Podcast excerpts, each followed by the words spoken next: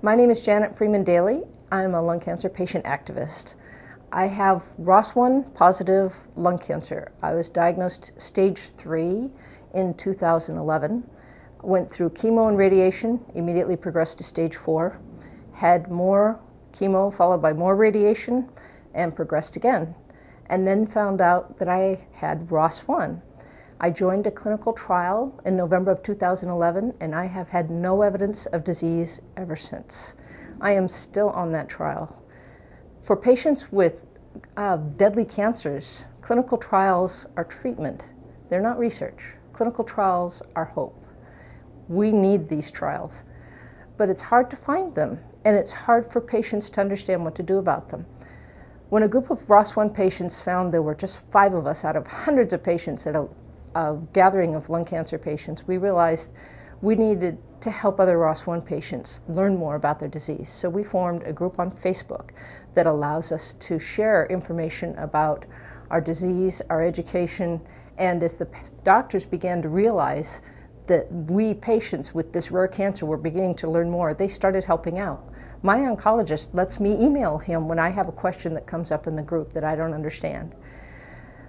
There are now five groups that are dealing with oncogene driven cancers ALK positive, EGFR Resisters, exon 20 group, which deals with uh, EGFR and HER2 insertions, and the RET renegades. And all of these groups are interested in accelerating research.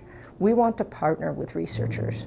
We actually have a partnership that works with academics and industry and advocacy groups in order to create new cell lines and patient-derived xenograft models of our cancer. When we started this project in early 2017, there were a handful of cell lines and one mouse model. And this is a problem because ROS1 pairs with over 20 different genes and exists in 12 different cancers. Since we started this project, we have two mouse models in development. We have created four new cell lines one of which has a different pairing partner. We are going to genomically characterize all of these. All of the data and the cell lines will be available to researchers freely. They've already been shared with five different organizations and been used in two published papers. We are doing what we can to accelerate research into our disease. And one of my fellow ROS1ders is Merel in the Netherlands, who will share what they're doing. Mijn naam is Merel Henning en ik ben sinds 2014 uh, eh, gediagnosticeerd met uh, longkanker uh, fase 4 ROS1 translocatie.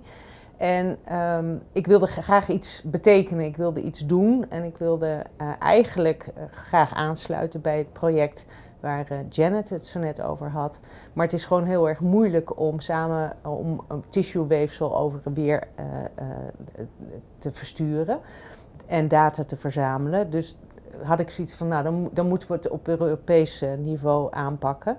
Maar daar heb je andere problemen, uh, uh, taalproblemen, je hebt beleidsproblemen, verschillende zorgstelsels. En um, dus dacht ik, dan moet je het nog kleiner aanpakken. En toen heb ik mijn eigen stichting opgericht, Stichting Merels Wereld. En heeft mijn werkgever, de Hans Hogeschool Groningen, heeft de stichting omarmd. En samen met het UMCG zijn we nu bezig met een project, uh, Wereld. Uh, en maken we nu cellijnen en dat wordt dan, worden dan ook PDX muismodellen.